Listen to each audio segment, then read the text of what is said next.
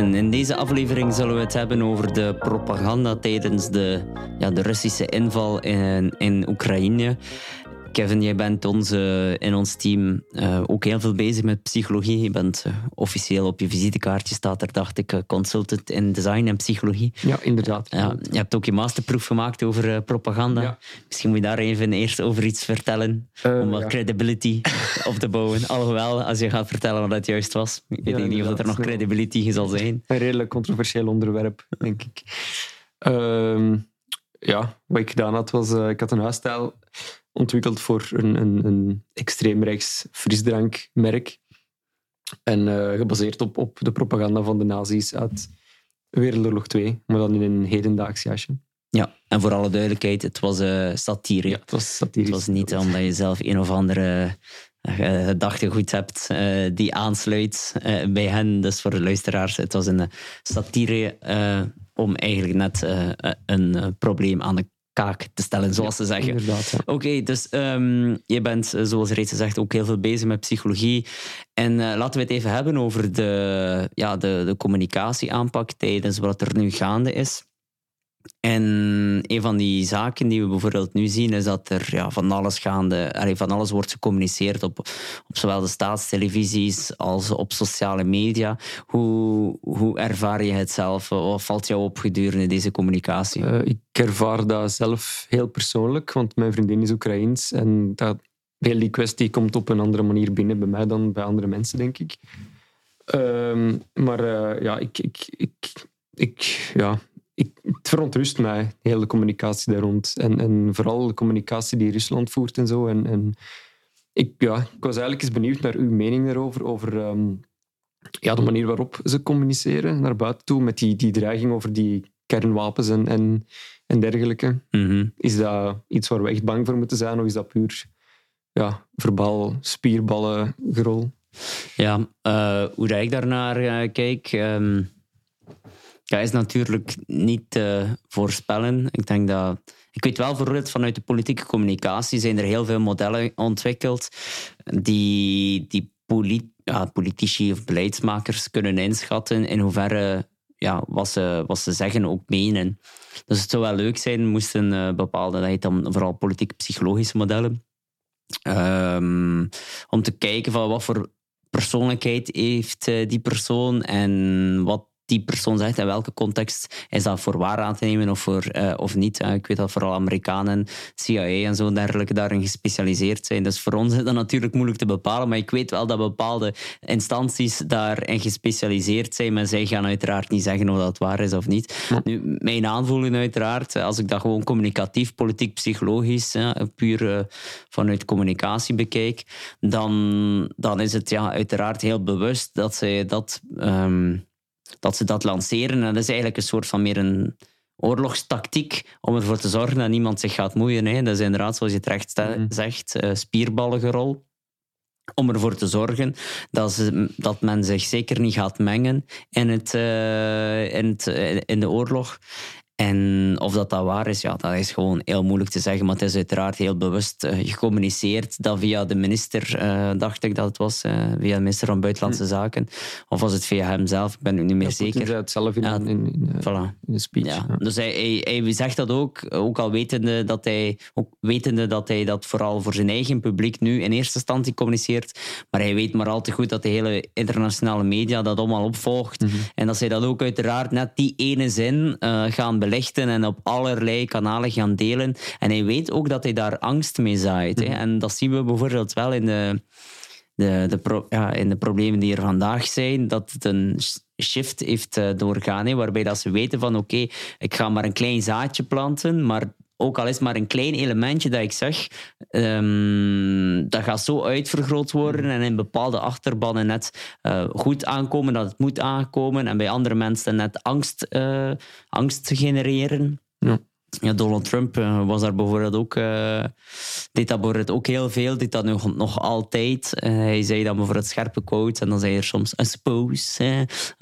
Zo, zo, doen alsof dat hij -hmm. twijfelde, maar je weet maar al te goed dat een bepaalde doelgroep net dat element er gaat uitpikken om dan controverse of net um, een grotere achterban te creëren. Ja, want het valt wel op dat de media er ook enorm op springt op dat één zinnetje dat hij gezegd heeft. En nu verschijnen er echt duizenden artikels online achter een paywall die erover gaan. Ja, dat is natuurlijk het cynisch, hè, omdat uh, inderdaad uh, ja, het hele clickbait-verhaal, ja, dat is natuurlijk het cynische -hmm. aan, aan vandaag. En uh, daar kun je zeker ook wel wat vragen, ethische vragen over stellen. Ook over de, de media en, en niet alleen de media, maar ook opiniemakers. De naam van de podcast, maar ook gewoon opiniemakers, het algemeen influencers. Daar kunnen we het straks zeker nog over hebben. Um, maar hij is inderdaad heel bewust. En ik denk dat dat ook een stukje het probleem is voor vandaag. En, en zo creëren bepaalde sociale sociale hetzes, maar ook bepaalde angsten bij mensen. Want ik, ik denk dan terug aan de jodiumpillen. En plots, uh, plots gaat het over de jodiumpillen. Allemaal door die ene zin die, die hij heeft uitgesproken. En uh, ik, ik, ja, ik heb dat zelf zo wat opgevolgd, want wij hebben uiteraard een, uh, een paar klanten in de sector, in de, de medische sector. En onder andere iemand die ook voor apothekers werkt. En ik had bijvoorbeeld gezien op Twitter dat een paar mensen hadden de vraag gesteld van ja, jodiumpillen, is dat gratis? Moeten we daar iets mee doen? En plots begonnen meer en meer mensen die vraag te stellen op Twitter. Waardoor anderen dat ook plots beginnen te zien van oei, jodiumpillen, waarom is dat belangrijk? Ah, oei, uh, dan ga je ook gaan zoeken. Hè. Waarom is dat hier belangrijk? Dat is ook een vorm van een confirmation bias.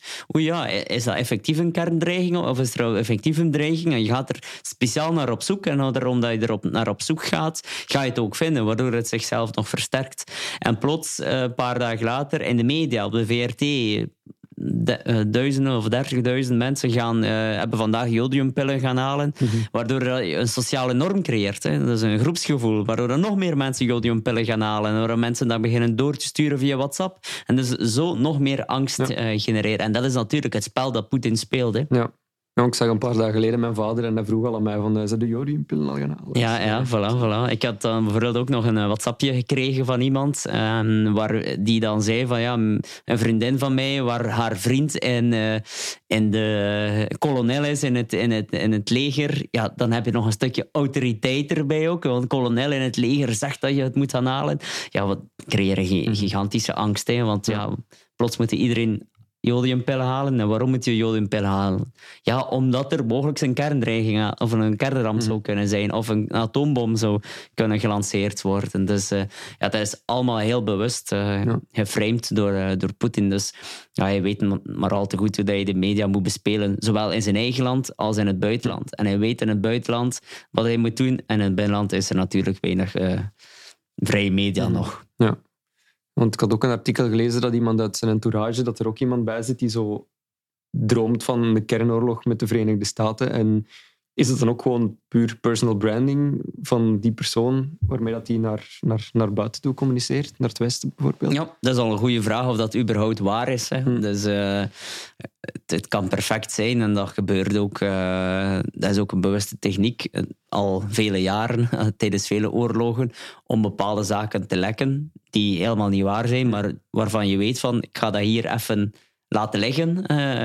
Ik ga hier iets, iets, iets laten vallen en daar gaat het wel iemand oprapen en dan gaat het zichzelf wel verspreiden. Ja. Dus het kan zeker zo zijn en niets is wat het lijkt. Hè. Sowieso al is er is zelden iets wat het lijkt als het gaat over propaganda, mm -hmm. maar zeker in tijden van vandaag um, ja, wordt er massaal geframed. Ja, daar hangt veel van af natuurlijk. Hè. Absoluut, absoluut. En daarnet hadden we het ook over die influencers. Een recent uh, ja, mooi verhaal. Allee, mooi, het is niet echt mooi. Maar uh, een bijzonder verhaal uh, gehoord op de radio. Waarbij dat ik dat toch denk dat we in deze hele discussie een stukje vergeten van wat er nog gaande is in, in bijvoorbeeld China. China is een. Uh, we gaan het, ja, het is geen politiek uh, internationale podcast hier in die zin. Ik hoop ook dat de Chinezen niet meeluisteren.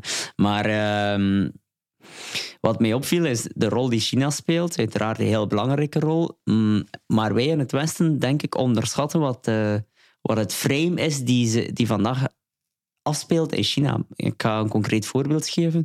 Ik had gehoord op de radio dat er een, uh, dat er een bepaalde influencer met, als ik het me goed herinner, 12 miljoen volgers een uh, filmpje op zijn account had gezet. Met daarin de uitleg dat eigenlijk Rusland gelijk heeft. Dat ze um, Oekraïne binnenvallen omdat de NAVO slecht is. En dat ze de NAVO moeten bestrijden in het Westen. Want de NAVO is Amerika. Ze moeten Amerika bestrijden. Ja, die influencer heeft 12 miljoen volgers.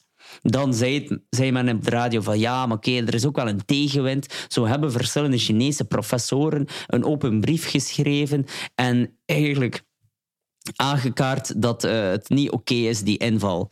Maar dan zeiden ze er heel snel bij, ja, maar die open brief is wel na drie uur van het internet gehaald. En dan denk ik van, ja, hallo, een influencer met 12 mhm. miljoen volgers of een paar professoren die met moeite, eh, kijk even uh, voor de luisteraars, ga even wel professoren gaan zoeken op sociale media. Mm Met alle respect voor de professoren, uiteraard. zijn ook geen uh, mediapersoonlijkheden, dat is hun rol niet. Mhm. Maar hoe, kijk eens hoeveel volgers zij hebben. En dan, als je dat dan vergelijkt met 12 miljoen wie heeft er dan de meeste impact? Wetende dat dat dan ook nog eens na drie, na drie uren offline is gehaald. En wetende dat die open brief hoogstwaarschijnlijk niet geschreven zal zijn voor uh, Joe Average of Jan met de pet. Dus ja, natuurlijk, uh, dan zeggen we van er zijn een paar professoren die mogelijk uh, die gezegd hebben dat het niet oké okay is. Maar als je dat dan afzet ten opzichte van een influencer met 12 miljoen volgers, natuurlijk 12 miljoen in China is nog altijd peanuts, uiteraard, dat weet ik wel. Maar het is niet zo dat de staatstelevisie een, een uh, objectief verhaal zal brengen in China. Uh, weten dat zij ook absoluut geen fan zijn van het Amerikaanse verhaal. Uiteraard een klein beetje te nuanceren. Maar uh, ik denk dat we dat toch ook niet mogen onderschatten, die, die rol die influencers hebben. Mm en ik denk dat het over het algemeen iets is dat we ook overschatten, is de impact die diepgaande analyses hebben en de impact die uitgebreide communicatie hebben.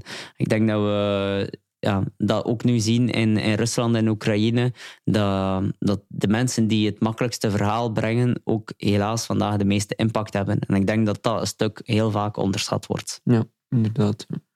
Maar Kevin, misschien nog even terugkeren naar het begin. Je zei daarnet ook dat uh, je vriendin uh, van Oekraïne uh, is. Ja. En wat, is, wat, wat, is dan, wat krijgen zij dan vooral te zien? Want het is waarschijnlijk ook niet hetzelfde beeld als wat wij hier in Vlaanderen te zien krijgen. Nee, inderdaad. Maar ja, ik weet niet hoe dat het bij haar familie zit en hoe dat het in Oekraïne zelf zit. Maar zij volgt vooral het nieuws via Instagram en zo. En echt via stories van mensen die ja, video's delen van hoe dat daar aan toe gaat. En, en ja, dus eigenlijk ook influencers, denk ik. Politieke influencers dan. Maar ja, voor de rest, ik probeer mij daar niet te veel mee te moeien, want dat, dat, dat ligt nogal gevoelig. En, en dus ik hou me daar een beetje... Allee, ik hou mij afzijdig. Mm -hmm. Maar het is ook niet via de traditionele media? Nee, nee, nee. Het is echt ah, via, ah. via online, eh, via social media. Ja, ja. Dus dat, dat toont ook weer aan van ja, vanuit, vanuit een mediaperspectief, vanuit een, hoe opinies worden gemaakt. En dan zie je toch ook in deze oorlog nu dat, dat die shift die mhm. al in heel veel andere sectoren is plaatsgevonden of heel andere contexten heeft plaatsgevonden, dat je nu toch ook wel echt heel duidelijk ziet dat die sociale media ook zelf in een oorlogscontext een heel grote impact hebben. Ja, inderdaad. De tijd van een poster aan de muur hangen in de straat is, is passé. Ja, mm, absoluut. Goed, uh, ik stel voor dat we deze podcast, uh, die toch een, uh, ja, een uh, heel beladen onderwerp is, um, afronden. En dat we het in de volgende aflevering misschien voor, over een iets positievere onderwerp hebben. Dus Kevin, merci en tot de volgende podcast. Yes, tot